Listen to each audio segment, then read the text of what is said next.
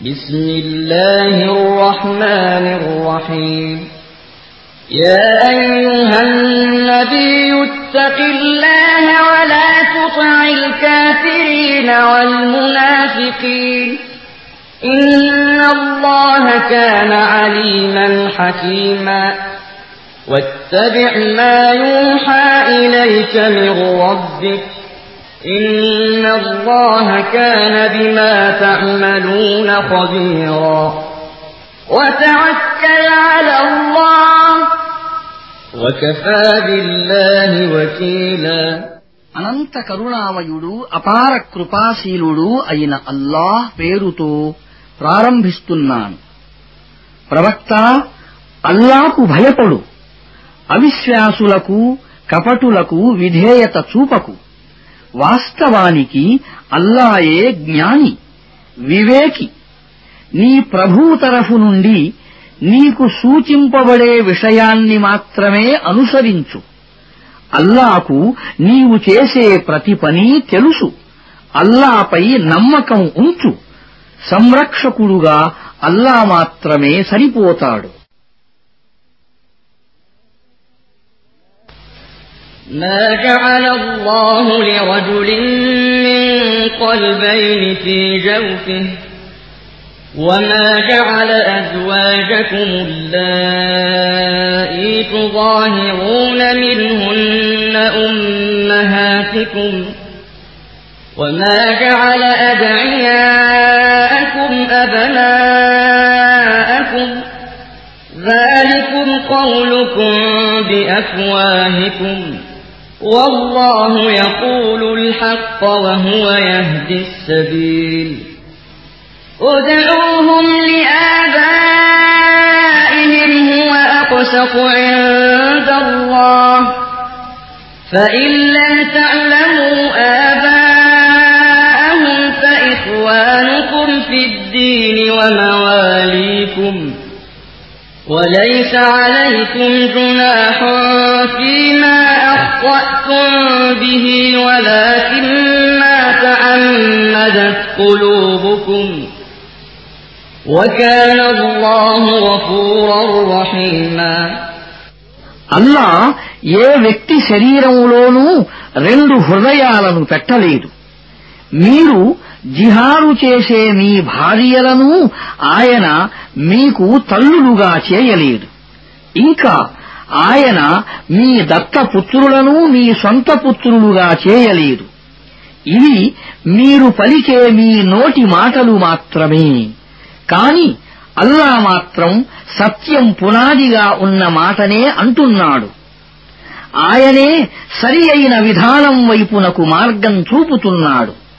దత్తపుత్రులను వారి తండ్రులతో ఉన్న సంబంధం ప్రకారం పిలవండి. ఇది అల్లా దృష్టిలో ఎంతో న్యాయసమ్మతమైన విషయం. ఒకవేళ వారి తండ్రులెవరో మీకు తెలియకపోతే అప్పుడు వారు మీకు ధార్మిక సోదరులు మరియు సహచరులు. పొరపాటు వల్ల మీరు ఏదైనా మాట అంటే దానికి మిమ్మల్ని పట్టుకోవటం జరగదు. కాని మీరు బుద్ధిపూర్వకంగా అనే మాటకు తప్పనిసరిగా మిమ్మల్ని పట్టుకోవటం జరుగుతుంది అల్లాహ్ మన్నించేవాడు కరుణించేవాడును النبي أولى بالمؤمنين من أنفسهم وأزواجه أمهاتهم وأولو الأرحام بعضهم أولى ببعض في كتاب الله من المؤمنين والمهاجرين إلا أن تفعلوا إلى أوليائكم معروفا كان ذلك في الكتاب مسطورا నిస్సందేహంగా విశ్వాసులకు దైవ ప్రవక్త స్వయంగా తమ కంటే కూడా ముఖ్యుడు దైవ ప్రవక్త భార్యలు వారికి తల్లులు.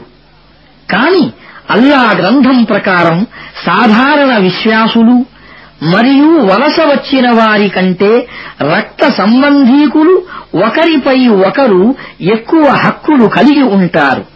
అయితే మీ సహచరులకు మీరు ఏదైనా మేలు చేయదలిస్తే చేయవచ్చు. ఈ ఆజ్ఞ దైవ గ్రంథంలో వ్రాయబడి ఉంది. وإذ أخذنا من النبيين ميثاقهم ومنك ومن نوح وإبراهيم وموسى وعيسى بن مريم وأخذنا منهم ميثاقا غليظا ليسأل الصادقين عن صدقهم وأعد للكافرين عذابا أليما ఓ ప్రవక్త మేము దైవ ప్రవక్తలందరి చేత చేయించిన వాగ్దానాన్ని జ్ఞాపక ఉంచుకో నీతో కూడా చేయించాము మరియు నూహు ఇబ్రాహీము మూసా మరియం కుమారుడు ఈసాలతో కూడా చేయించాము అందరితో మేము గట్టి వాగ్దానం చేయించాము. నిజాయితీ పరులను వారి ప్రభువు వారి నిజాయితీని గురించి ప్రశ్నించేందుకు. అవిశ్వాసులకు ఆయన అత్యంత బాధాకరమైన శిక్షను సిద్ధం చేసే ఉంచాడు. يا أيها الذين آمنوا اذكروا نعمة الله عليكم إذ جاءتكم جنود فأرسلنا عليهم ريحا فأرسلنا عليهم ريحا وجنودا لم تروها وكان الله بما تعملون بصيرا إذ جاءوكم من فوقكم ومن أسفل منكم وإذ زاغت الأبصار وبلغت القلوب الحناجر وتظنون بالله الظنونا هنالك ابتلي المؤمنون وزلزلوا زلزالا شديدا విశ్వసించిన ఓ ప్రజలారా అల్లాహ్ మీకు ఈ మధ్యనే చేసిన ఉపకారాన్ని జ్ఞాపకం తెచ్చుకోండి. సైన్యాలు మీపైకి దండెత్తి వచ్చినప్పుడు మేము వాటి మీదకు ఒక పెనుగాలిని పంపాము. మీకు కానరాని సైన్యాలను పంపాము. మీరు ఆ సమయంలో చేస్తున్నదంతా అల్లాహ్ చూస్తూనే ఉన్నాడు. శత్రువులు మీ మీదకు పైనుండి క్రింద నుండి దండెత్తి వచ్చినప్పుడు భయం వల్ల మీ కళ్ళు తేలగిల్లినప్పుడు మీ గుండెకాయలు గొంతుల్లోనికి వచ్చినప్పుడు మీరు అల్లాను గురించి రకరకాలుగా అనుమానిస్తున్నప్పుడు ఆ సమయంలో విశ్వాసులు కఠిన పరీక్షకు గురి అయ్యారు. తీవ్రంగా ఊపివేయబడ్డారు. وإذ يقول المنافقون والذين في قلوبهم مرض ما وعدنا الله ورسوله إلا غرورا وإذ قالت طائفة منهم يا أهل يثرب لا مقام لكم فارجعوا ويستأذن فريق منهم النبي يقولون إن بيوتنا عورة وما هي بعورة إن يريدون إلا فرارا ولو دخلت عليهم من أقطارها ثم سئلوا الفتنة تلبثوا بها إلا يسيرا ولقد كانوا عاهدوا الله من قبل لا يولون الأدبار وكان عهد الله مسؤولا కపటులు రోగగ్రస్త హృదయులు అందరూ అల్లా ఆయన ప్రవక్త మనతో చేసిన వాగ్దానాలన్నీ భ్రమలు తప్ప మరేమీ కావు అని స్పష్టంగా ప్రకటించినప్పటి సమయాన్ని జ్ఞాపకం తెచ్చుకో. అప్పుడు వారిలోని ఒక వర్గం ఓ యస్రిబు ప్రజలారా ఇక మీకు ఇక్కడ ఉండే అవకాశమేదీ లేదు వెనక్కి వెళ్ళిపోండి అని అన్నది. అప్పుడు వారిలోని మరొక వర్గం మా గృహాలు ప్రమాదంలో చిక్కుకున్నాయి అని దైవ ప్రవక్తకు చెప్పి సెలవు కోరింది. వాస్తవానికి వాటికి ఏ ప్రమాదమూ లేదు. అసలు వారు యుద్ధ మైదానం నుండి పారిపోదలచారు. ఒకవేళ నగరం చుట్టుపక్కల నుండి శత్రువులు లోపలకు జొరబడి వారిని విద్రోహ చర్యకు పాల్పడమని పిలుపు ఇస్తే అప్పుడు వారు తప్పకుండా అలా చేస్తారు. విద్రోహ చర్యలో పాల్గొనటానికి వారు చాలా తక్కువగా సంకోచిస్తారు. వారు ఇదివరకు తాము వెన్ను చూపము అని అల్లాకు వాగ్దానం చేసి ఉన్నారు. అల్లాకు చేసిన వాగ్దానం గురించి తప్పకుండా ప్రశ్నించటం జరుగుతుంది.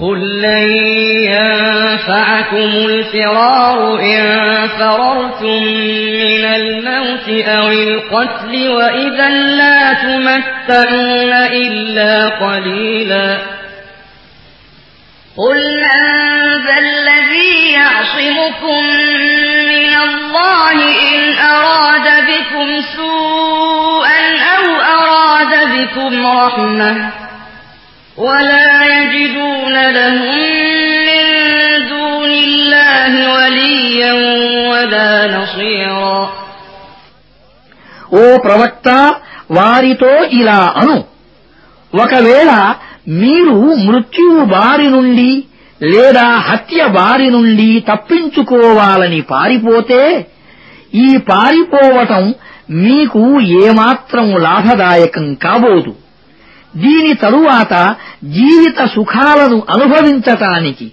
కొద్దిపాటి అవకాశం మాత్రమే మీకు లభిస్తుంది. వారిని ఇలా అడుగు. ఒకవేళ అల్లా మీకు నష్టం కలిగించదలిస్తే ఆయన నుండి మిమ్మల్ని కాపాడగలిగేవాడెవడు? ఒకవేళ అల్లాహ్ మిమ్మల్ని కరుణించదలిస్తే ఆయన కరుణను ఆపగలవాడెవడు? అల్లాకు ప్రతిగా వారు ఏ సంరక్షకుణ్ణి ఏ సహాయకుణ్ణి పొందలేరు قد يعلم الله المعوقين منكم والقائلين لإخوانهم هلم إلينا ولا يأتون البأس إلا قليلا أشحة عليكم فإذا جاء الخوف رأيتهم ينظرون إليك تدور أعينهم كالذي يغشى عليه من الموت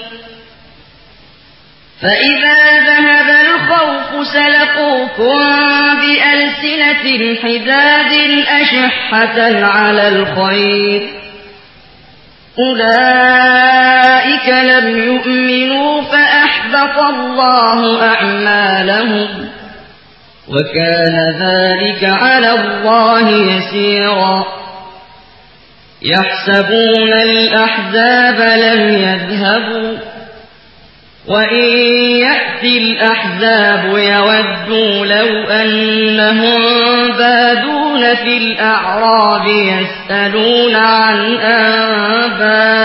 أنبائكم ولو كانوا فيكم ما قاتلوا إلا قليلا మీలో యుద్ధ కార్యములో ప్రతిబంధకాలు సృష్టించేవారిని తమ సోదరులను మా వైపునకు రండి అని పిలిచేవారిని లెక్కకు మాత్రమే యుద్ధంలో పాల్గొనేవారిని నీకు తోడ్పడే విషయములో పరమ లోహులైన వారిని అల్లాహ్ బాగా ఎరుగును. మరణ సమయంలో అపస్మారక స్థితికి గురి అయిన వాని వలె వారు ప్రమాదం సంభవించినప్పుడు గుడ్లు తిప్పుతూ నీ వైపు చూస్తారు. కాని ప్రమాదం తొలగిపోగానే వారే లాభాలను పొందాలని దురాశాపరులై కత్తెరల వలె ఆడే నాలుకలతో నీకు స్వాగతం చెప్పటానికి వస్తారు. వారు ఏమాత్రం విశ్వసించిన వారు కారు. కనుకనే అల్లాహ్ వారి కర్మలను అన్నింటినీ నిరర్ధకం చేశాడు. అల్లాకు అలా చెయ్యటం చాలా సులభం. దాడి చేసిన వర్గాలు ఇంకా వెళ్ళిపోలేదు అనే వారు భావిస్తున్నారు. ఒకవేళ ఆ వర్గాలు మళ్ళీ దాడి చేస్తే ఎడారిలో ఎక్కడికైనా పోయి పల్లెలలో అరబ్బుల మధ్య కూర్చుందామని అక్కడ నుండే మీ పరిస్థితులను గురించి తెలుసుకుందామని వారి మనస్సు కోరుతోంది. ఒకవేళ వారు మీ మధ్య ఉన్నా యుద్ధంలో చాలా తక్కువగానే పాల్గొంటారు لقد كان لكم في رسول الله أسوة حسنة لمن كان يرجو الله واليوم الآخر لمن كان يرجو الله واليوم الآخر وذكر الله كثيرا ولما رأى المؤمنون الأحزاب قالوا هذا ما وعدنا الله ورسوله وصدق الله ورسوله وما زادهم إلا إيمانا وتسليما من المؤمنين رجال صدقوا ما عاهدوا الله عليه فمنهم من قضى نحبه ومنهم من ينتظر وما بدلوا تبديلا ليجزي الله الصادقين بصدقهم ويعذب المنافقين إن شاء أو يتوب عليهم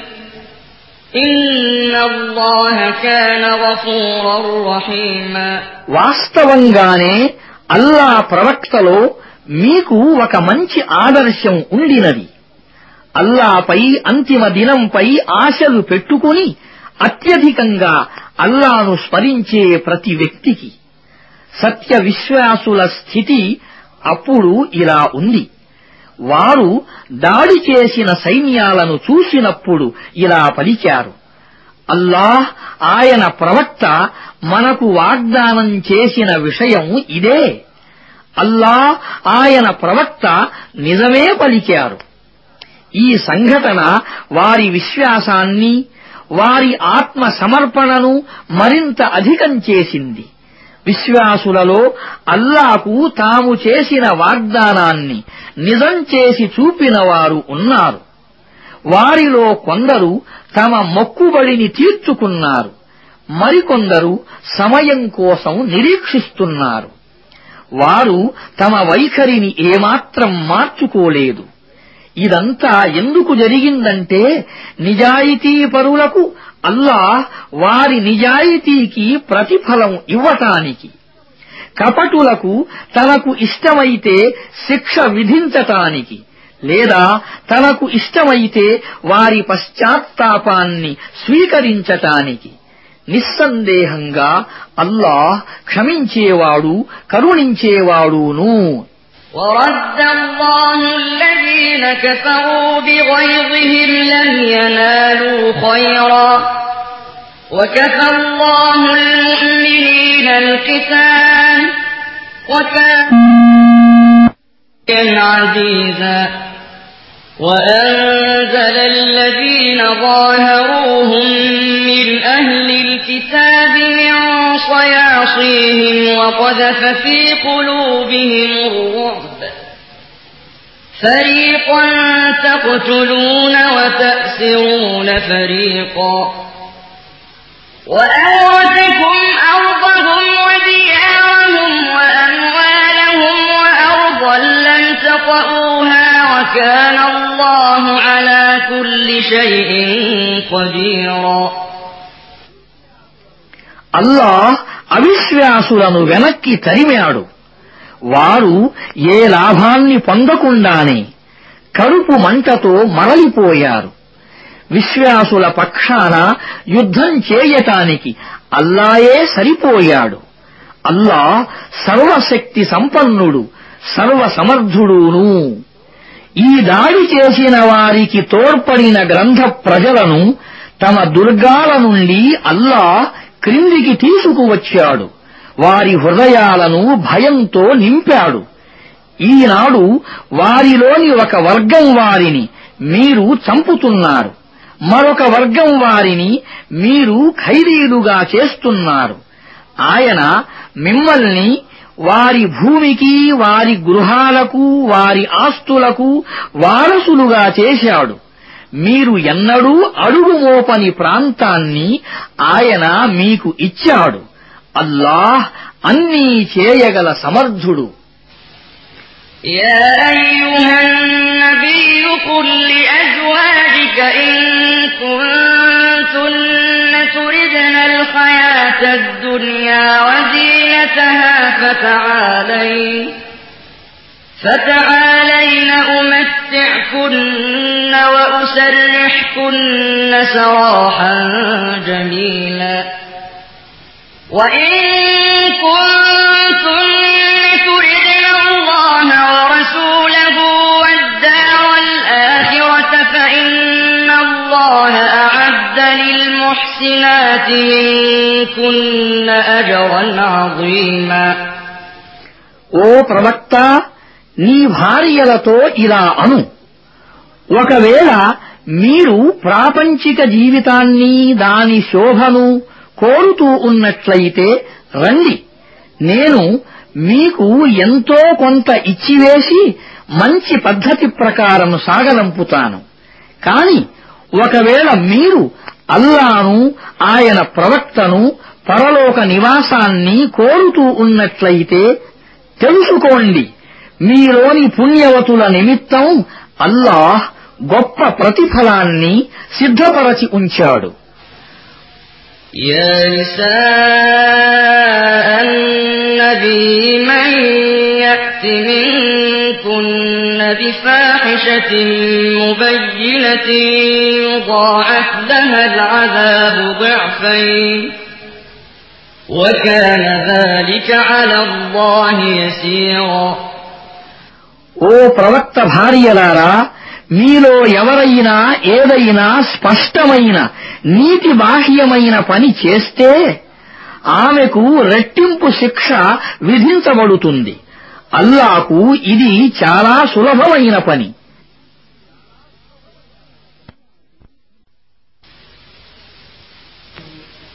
بسم الله الرحمن الرحيم ومن يقنت منكن لله ورسوله وتعمل صالحا وتعمل صالحا نؤتها أجرها مرتين وأعتدنا لها رزقا كريما అనంత కరుణామయుడు అపార కృపాశీలుడు అయిన అల్లాహ్ పేరుతో ప్రారంభిస్తున్నాను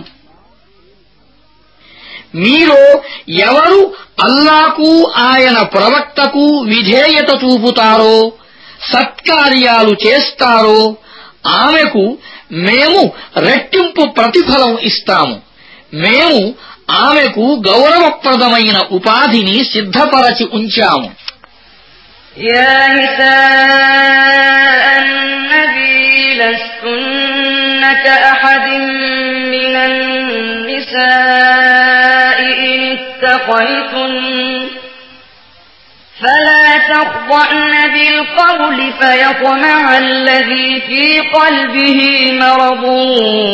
وقلن قولا معروفا. وقرن في بيوتكن ولا تبرجن تبرج الجاهلية الأولى. وأقمنا الصلاة وآتينا الزكاة وأطعنا الله ورسوله إنما يريد الله ليذهب عنكم الرجس أهل البيت ويطهركم تطهيرا واذكرن ما يتلى في بيوتكن من آيات الله والحكمة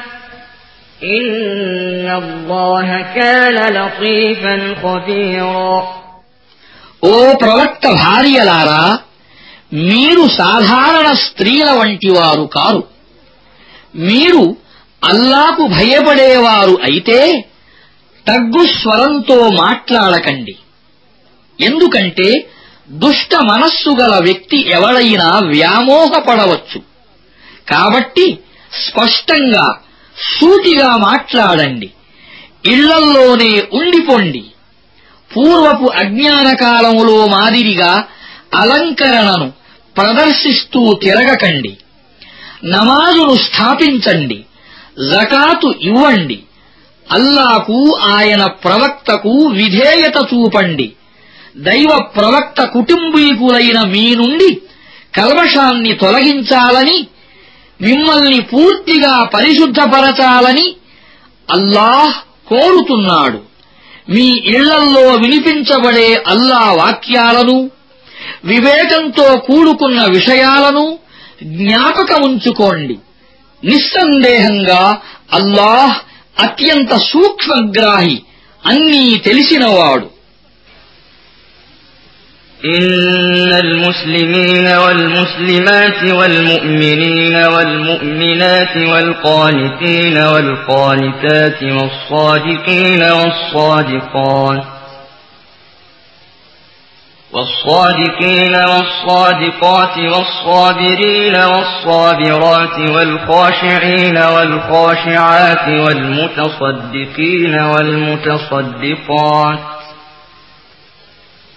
والمتصدقين والمتصدقات والصائمين والصائمات والحافظين فروجهم والحافظات والذاكرين الله كثيرا والذاكرين الله كثيرا والذاكرات أعد الله لهم مغفرة وأجرا عظيما నిశ్చయంగా ముస్లిములు విశ్వాసులు విధేయులు నిజాయితీపరులు సహనశీలురు అల్లా ముందు వినమ్రులయ్యేవారు దానధర్మాలు చేసేవారు ఉపవాసం ఉండేవారు తమ మర్మాంగాలను కాపాడుకునేవారు అల్లాను అత్యధికంగా స్మరించేవారు అయిన స్త్రీ పురుషుల నిమిత్తం అల్లాహ్ క్షమాభిక్షను గొప్ప ప్రతిఫలాన్ని సిద్ధపరచి ఉంచాడు وما كان لمؤمن ولا مؤمنة إذا قضى الله ورسوله أمرا أن يكون لهم الخيرة من أمرهم ومن يعص الله ورسوله فقد ضل ضلالا مبينا అల్లాహ్ మరియు ఆయన ప్రవక్త ఏ విషయంలోనైనా ఒక తీర్పు చేసినప్పుడు విశ్వాసి అయిన ఏ పురుషునికైనా విశ్వాసురాలైన ఏ స్త్రీకైనా తరువాత తమ యొక్క ఆ విషయంలో స్వయంగా మళ్ళీ ఒక నిర్ణయం తీసుకునే హక్కు లేదు. ఇంకా ఎవడైనా అల్లాకు ఆయన ప్రవక్తకు అవిధేయత చూపితే అతను స్పష్టంగా మార్గభ్రష్టతకు గురి అయినట్లే وإذ تقول للذي أنعم الله عليه وأنعمت عليه أمسك عليك زوجك واتق الله وتخفي في نفسك ما الله مبديه وتخشى الناس والله أحق أن تخشاه فلما قضى زيد منها وطرا زوجناكها لكي لا يكون على المؤمنين حرج في أزواج أدعيائهم إذا قضوا منهن وطرا. وكان أمر الله مفعولا. ما كان على النبي النبي من حرج فيما فرض الله له. سنة الله في الذين خلوا من قبل. وكان أمر الله قدرا مقدورا.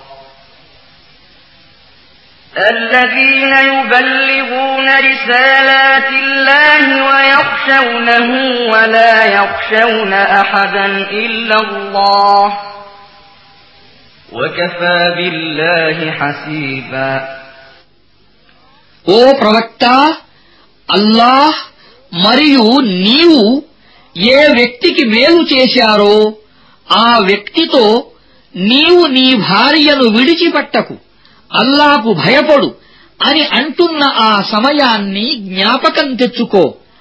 అప్పుడు నీవు అల్లాహ్ బయట పెట్టదలచిన విషయాన్ని నీ మనస్సులో దాచి ఉంచావు. నీవు ప్రజలకు భయపడుతున్నావు. వాస్తవానికి నీవు భయపడటానికి అల్లాయే ఎక్కువ హక్కుదారుడు. తరువాత జైద్ ఆమె విషయంలో తన అవసరాన్ని పూర్తి చేసుకున్నప్పుడు మేము ఆమెతో నీకు వివాహం జరిపించాము. విశ్వాసులకు తమ దత్తపుత్రుల భార్యల విషయంలో వారు తమ భార్యలకు సంబంధించిన తమ అవసరాన్ని పూర్తి చేసుకున్నప్పుడు ఏ విధమైన ఇబ్బంది కలుగకుండా ఉండేందుకు. అల్లాహ్ ఆదేశం అమలులోకి రావలసిందే. అల్లాహ్ తనకు విధించిన ఏ పనినైనా చేయటంలో దైవ ప్రవక్తకు ఏ ప్రతిబంధకమూ లేదు. గతించిన దైవ ప్రవక్తలందరి విషయములోనూ అల్లా యొక్క ఈ సంప్రదాయమే అమలులో ఉండేది. అల్లాహ్ ఆజ్ఞ పూర్తిగా తిరుగులేని తీర్పు. ఇది అల్లాహ్ సంప్రదాయం. అల్లా సందేశాలను అందజేసేవారికి ఆయనకు మాత్రమే భయపడేవారికి ఒకే దేవునికి తప్ప మరెవరికీ భయపడని వారికి లెక్క చూడటానికి కేవలం అల్లాయే చాలు ما كان محمد أبا أحد من رجالكم ولكن رسول الله وخاتم النبيين وكان الله بكل شيء عليما మానవులారా ముహమ్మదు మీలోని ఏ పురుషునికి తండ్రి కారు కాని ఆయన అల్లా యొక్క ప్రవక్త దైవ ప్రవక్తల పరంపరను సమాప్తం చేసే చివరివాడు అల్లాహ్ సకల విషయాల జ్ఞానం కలవాడు يا أيها الذين آمنوا اذكروا الله ذكرا كثيرا وسبحوه بكرة وأصيلا. هو الذي يصلي عليكم وملائكته ليخرجكم من الظلمات إلى النور. وكان بالمؤمنين رحيما تحيتهم يوم يلقونه سلام وأعد لهم أجرا كريما విశ్వసించిన ఓ మానవులారా అల్లాను అత్యధికంగా స్మరించండి ఉదయం సాయంత్రం ఆయన పవిత్రతను కొనియాడుతూ ఉండండి ఆయనే మీపై కరుణ చూపేవాడు. ఆయన దూతలు మీ కొరకు కారుణ్యానికై ప్రార్థనలు చేస్తారు. మిమ్మల్ని ఆయన చీకట్లల్లో నుండి వెలికి తీసి వెలుగులోకి తీసుకురావాలని. విశ్వాసుల పట్ల ఆయన అమిత దయ కలవాడు. వారు ఆయనను కలిసే రోజున వారికి శాంతి వచనాలతో స్వాగతం లభిస్తుంది అల్లాహ్ వారికి ఎంతో గౌరవప్రదమైన ప్రతిఫలాన్ని సమకూర్చి ఉంచాడు يا أيها النبي إنا أرسلناك شاهدا ومبشرا ونذيرا وداعيا إلى الله بإذنه وسراجا منيرا وبشر المؤمنين بأن لهم من الله فضلا كبيرا ولا تطع الكافرين والمنافقين ودع أذاهم وتوكل على الله وكفى بالله وكيلا ఓ ప్రవక్త మేము నిన్ను సాక్షిగా చేసి శుభవార్తను ఇచ్చేవానిగా హెచ్చరిక చేసేవానిగా చేసి అల్లా అనుమతితో ఆయన వైపునకు పిలుపు ఇచ్చేవానిగా చేసి ప్రకాశించే దీపంగా చేసి పంపాము విశ్వసించిన మానవులకు శుభవార్త ఇవ్వు. వారికి అల్లా తరఫు నుండి గొప్ప అనుగ్రహాలు ఉన్నాయని. అవిశ్వాసుల కపటుల ఒత్తిడికి ఎంతమాత్రము లొంగకు. వారి వేధింపులను లెక్క చేయకు. అల్లానే నమ్ముకో.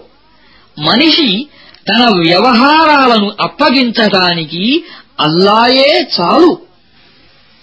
يا أيها الذين آمنوا إذا نكحتم المؤمنات ثم طلقتموهن من قبل أن تمسوهن فما لكم فما لكم عليهن من عدة تعتدونها فمتعوهن وسرحوهن سراحا جميلا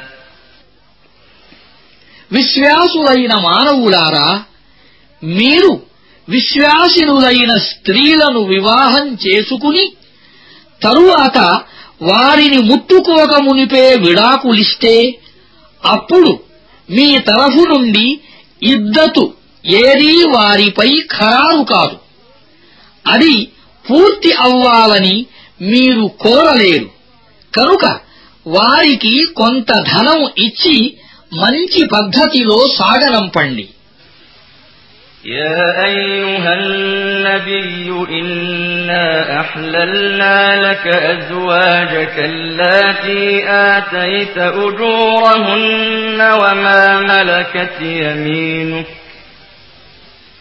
وما ملكت يمينك مما أفاء الله عليك وبنات عمك وبنات عمك وبنات عماتك وبنات خالك وبنات خالاتك اللاتي هاجرن معك وامرأة مؤمنة وامرأة مؤمنة إن وهبت نفسها للنبي إن أراد النبي أن يستنكحها خالصة لك من دون المؤمنين. قد علمنا ما فرضنا عليهم في أزواجهم وما ملكت أيمانهم لكي لا يكون عليك حرج وكان الله غفورا رحيما ప్రవక్త మేము ఈ క్రింది వారిని నీకు ధర్మసమ్మతం చేశాము నీవు మహర్ చెల్లించిన నీ భార్యలను అల్లా ప్రసాదించిన బానిస స్త్రీల నుండి నీ అధీనంలోకి వచ్చిన స్త్రీలను నీతో పాటు వలస వచ్చిన నీ పినతండ్రి కుమార్తెలను నీ మేనత్తల కుమార్తెలను నీ మేనమామల కుమార్తెలను నీ పినతల్లుల కుమార్తెలను తనను తాను దైవ ప్రవక్తకు సమర్పించుకున్న విశ్వాసిని అయిన స్త్రీని ఒకవేళ దైవ ప్రవక్త ఆమెను వివాహం చేసుకోదలిస్తే ఈ మినహాయింపు కేవలం నీకే పరిమితం. ఇతర విశ్వాసులకు ఇది లేదు. సాధారణ విశ్వాసులకు వారి భార్యల బానిస స్త్రీల విషయంలో మేము విధించిన పరిమితులు మాకు బాగా తెలుసు. నీకు ఏ విధమైన ఇబ్బంది కలుగకుండా ఉండాలని మేము నిన్ను ఈ పరిమితుల నుండి మినహాయించాము అల్లాహ్ క్షమించేవాడు కరుణించేవాడును ترجي من تشاء منهن وتؤوي إليك من تشاء ومن ابتغيت ممن عزلت فلا جناح عليك ذلك أدنى أن تقر أعينهن ولا يحزن ويرضين بما آتيتهن كلهن والله يعلم ما في قلوبكم وكان الله عليما حليما لا يحل لك النساء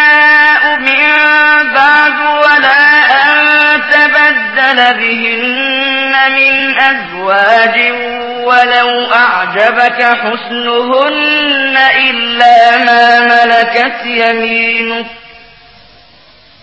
وكان الله على كل شيء رقيبا నీ భార్యలలో నీకు ఇష్టమైన వారిని నీ నుండి వేరుగా ఉంచేందుకు నీకు ఇష్టమైన వారిని నీతో ఉంచుకునేందుకు నీకు ఇష్టమైన వారిని వేరుగా ఉంచిన తరువాత కూడా నీ వద్దకు పిలిపించుకునేందుకు నీకు అధికారం ఇవ్వబడుతోంది.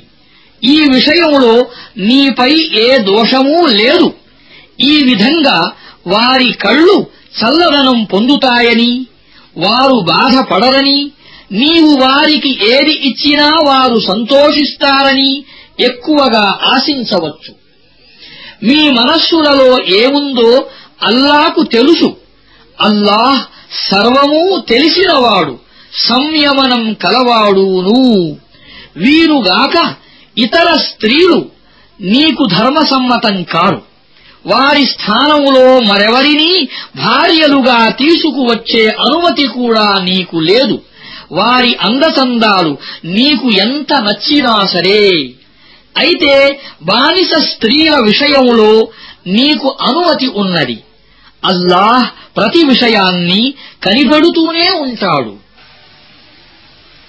يا أيها الذين آمنوا لا تدخلوا بيوت النبي إلا أن يؤذن لكم إلى طعام غير ناظرين إناه ولكن ولكن إذا دعيتم فادخلوا فإذا طعمتم فانتشروا ولا مستأنسين لحديث. إن ذلكم كان يؤذي النبي فيستحيي منكم. والله لا يستحيي من الحق. وإذا سألتموهن متاعا فاسألوهن من وراء حجاب ذلكم أطهر لقلوبكم وقلوبهن وما كان لكم أن تؤذوا رسول الله ولا أن تنكحوا أزواجه من بعده أبدا إن ذلكم كان عند الله عظيما إن تبدوا شيئا أو تخفوه فإن الله كان بكل شيء عليما విశ్వాసులైన ప్రజలారా దైవ ప్రవక్త ఇళ్లల్లోకి అనుమతి లేకుండా ప్రవేశించకండి భోజన సమయానికై కాచుకుని కూర్చోకండి కాని మిమ్మల్ని భోజనానికి పిలిస్తే తప్పకుండా వెళ్ళండి అయితే భోజనం చేసిన వెంటనే బయటికి వెళ్ళిపోండి. పిచ్చాపాటి మాట్లాడుకుంటూ ఉండిపోవకండి. మీ ఈ చేష్టలు ప్రవక్తకు కష్టం కలిగిస్తాయి. అయినా ఆయన మొగమాటం వల్ల ఏమీ అనరు. అల్లాహ్ సత్య విషయం చెప్పటానికి మొగమాట పడడు. ప్రవక్త భార్యలను మీరు ఏదైనా అడగవలసి ఉంటే తెరచాటున ఉండి అడగండి. ఇది మీ హృదయాల వారి హృదయాల పరిశుద్ధత కొరకు ఎంతో సముచితమైన పద్ధతి. దైవ ప్రవక్తకు కష్టం కలిగించటం మీకు ఏమాత్రం ధర్మసమ్మతం కాదు. ఇంకా ఆయన తరువాత ఆయన భార్యలను వివాహం చేసుకోవటం కూడా మీకు ధర్మసమ్మతం కాదు. ఇది అల్లాహ్ దృష్టిలో మహాపాపం మీరు ఏదైనా విషయాన్ని వ్యక్తం చేసినా లేక దానిని గోప్యంగా ఉంచినా అల్లాకు ప్రతి విషయమూ తెలుసు لا جناح عليهن في آبائهن ولا أبنائهن ولا إخوانهن ولا إخوانهن ولا أبناء إخوانهن ولا أبناء أخواتهن ولا نسائهن ولا ما ملكت أيمانهن واتقين الله إن الله كان على كل شيء شهيدا దైవ ప్రవక్త భార్యలకు ఈ విషయంలో ఏ దోషమూ అంటదు వారి తండ్రులు వారి కొడుకులు వారి సోదరులు వారి సోదరుల కొడుకులు వారి సోదరీమణుల కుమారులు వారితో కలుపుగోలుగా ఉండే స్త్రీలు వారి బానిసలు వారి ఇళ్లల్లోకి రావచ్చు మహిళలారా మీరు అల్లా పట్ల అవిధేయతకు పాల్పడకండి అల్లాహ్ ప్రతి విషయాన్ని గమనిస్తున్నాడు إن الله وملائكته يصلون على النبي يا أيها الذين آمنوا صلوا عليه وسلموا تسليما అల్లాహ్ మరియు ఆయన దూతలు దైవ ప్రవక్తకై దురూదును పంపుతారు విశ్వాసులారా మీరు కూడా ఆయనకై దురూదు సలాములు పంపండి إن الذين يؤذون الله ورسوله لعنهم الله في الدنيا والآخرة وأعد لهم عذابا مهينا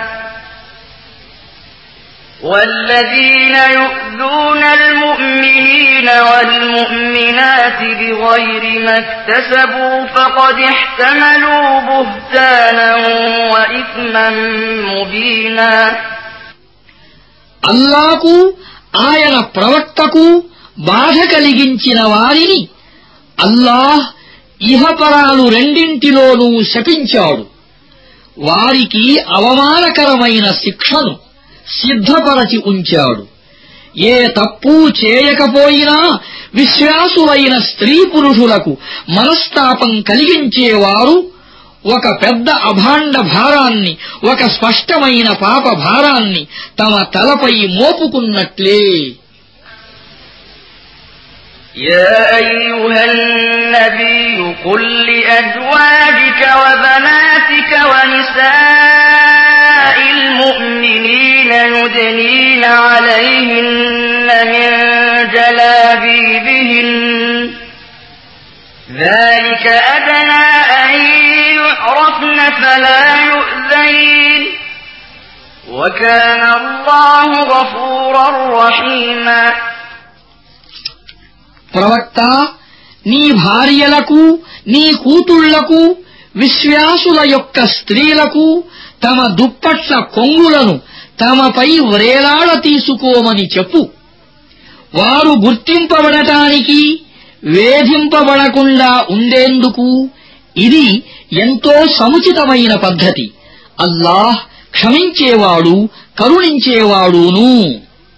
لئن لم ينته المنافقون والذين في قلوبهم مرض والمرجفون في المدينة لنغرينك بهم والمرجفون في المدينة لنغرينك بهم ثم لا يجاورونك فيها إلا قليلاً ملعونين أينما ثقفوا أخذوا وقتلوا تقتيلا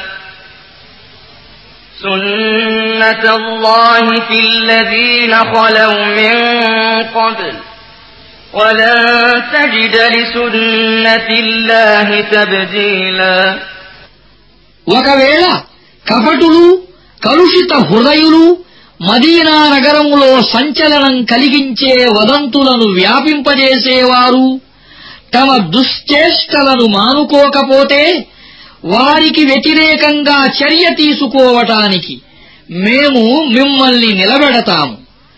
తరువాత వారు ఈ నగరంలో మీతో కలిసి ఉండటం అనేది కష్టసాధ్యమవుతుంది.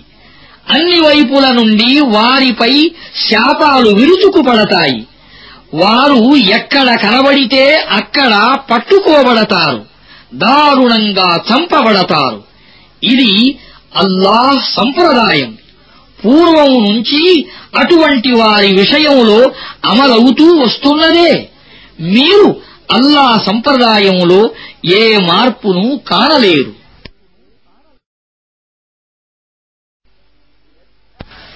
يسألك الناس عن الساعة قل إنما علمها عند الله وما يدريك لعل الساعة تكون قريبا إن الله لعن الكافرين وأعد لهم سعيرا خالدين فيها أبدا. لا يجدون وليا ولا نصيرا. يوم تقلب وجوههم في النار يقولون يا ليتنا أطعنا الله وأطعنا الرسولا. وقالوا ربنا إنا أطعنا سادتنا وكبراءنا فأضلونا السبيلا ربنا آتهم ضعفين من العذاب والعنهم لعنا كبيرا ప్రళయ ఘడియ ఎప్పుడు వస్తుంది అని ప్రజలు నిన్ను అడుగుతారు అది అల్లాకే తెలుసు అని చెప్పు. బహుశా అది సమీపంలోనే ఉందో ఏమో నీకేమి ఎరుక? ఏది ఏమైనా ఇది మటుకు వాస్తవం. అల్లాహ్ అవిశ్వాసులను శపించాడు. వారి కొరకు మండే అగ్నిని సిద్ధపరచి ఉంచాడు. అందులో వారు శాశ్వతంగా ఉంటారు. ఏ స్నేహితుణ్ణి ఏ సహాయకుణ్ణి పొందలేరు. వారి ముఖాలను నిప్పులపై అటూ ఇటూ త్రిప్పటం జరిగేనాడు వారు ఇలా అంటారు. అయ్యో మేము అల్లాకు దైవ ప్రవక్తకు విధేయత చూపి ఉంటే ఎంత బాగుండేది? ఇంకా ఇలా అంటారు. మా ప్రభూ మేము మా నాయకులకు మా పెద్దలకు విధేయత చూపాము. వారు మమ్మల్ని రుజుమార్గం నుండి తప్పించారు. ఓ ప్రభూ వారికి రెట్టింపు యాతన విధించు వారిని తీవ్రంగా శపించు يا أيها الذين آمنوا لا تكونوا كالذين آذوا موسى فبرأه الله مما قالوا وكان عند الله وجيها يا أيها الذين آمنوا اتقوا الله وقولوا قولا سديدا. اتقوا الله وقولوا قولا سديدا. يصلح لكم أعمالكم ويغفر لكم ذنوبكم. ومن يطع الله ورسوله فقد فاز فوزا عظيما విశ్వాసులారా మూసాకు మనస్తాపం కలిగించిన ప్రజల మాదిరిగా అయిపోకండి తరువాత అల్లాహ్ వారు కల్పించిన మాటల బారి నుండి అతనికి విముక్తి కలిగించాడు అతను అల్లాహ్ దృష్టిలో ఎంతో గౌరవనీయుడు. విశ్వాసులారా అల్లాకు భయపడండి. రుజువాక్కును పలకండి. అప్పుడు అల్లాహ్ మీ కర్మలను చక్కబరుస్తాడు. మీ తప్పులను మన్నిస్తాడు. అల్లాకు ఆయన ప్రవక్తకు విధేయత చూపేవాడు గొప్ప సాఫల్యం పొందుతాడు. إنا عرضنا الأمانة على السماوات والأرض والجبال فأبين أن يحملنها وأشفقن منها وحملها الإنسان إنه كان ظلوما جهولا ليعذب الله المنافقين والمنافقات والمشركين والمشركات ويتوب الله على المؤمنين والمؤمنات وكان الله غفورا رحيما మేము ఈ అమానతును ఆకాశాల ముందు భూమి ముందు పర్వతాల ముందు పెట్టాము అవి దానిని మోయటానికి సిద్ధపడలేదు దానికి భయపడ్డాయి. కాని మానవుడు దానిని తనపై మోపుకున్నాడు. నిస్సందేహంగా అతడు అన్యాయం చేసుకున్నాడు. మూర్ఖుడు. ఈ అమానతు భారాన్ని పైన వేసుకున్న దాని అనివార్య ఫలితం ఏమిటంటే కపటులైన స్త్రీ పురుషులను ముష్రిక్కులైన స్త్రీ పురుషులను అల్లాహ్ శిక్షించటం. విశ్వాసులైన స్త్రీ పురుషుల పశ్చాత్తాపాన్ని అంగీకరించటం. అల్లాహ్ మన్నించేవాడు కరుణించేవాడును.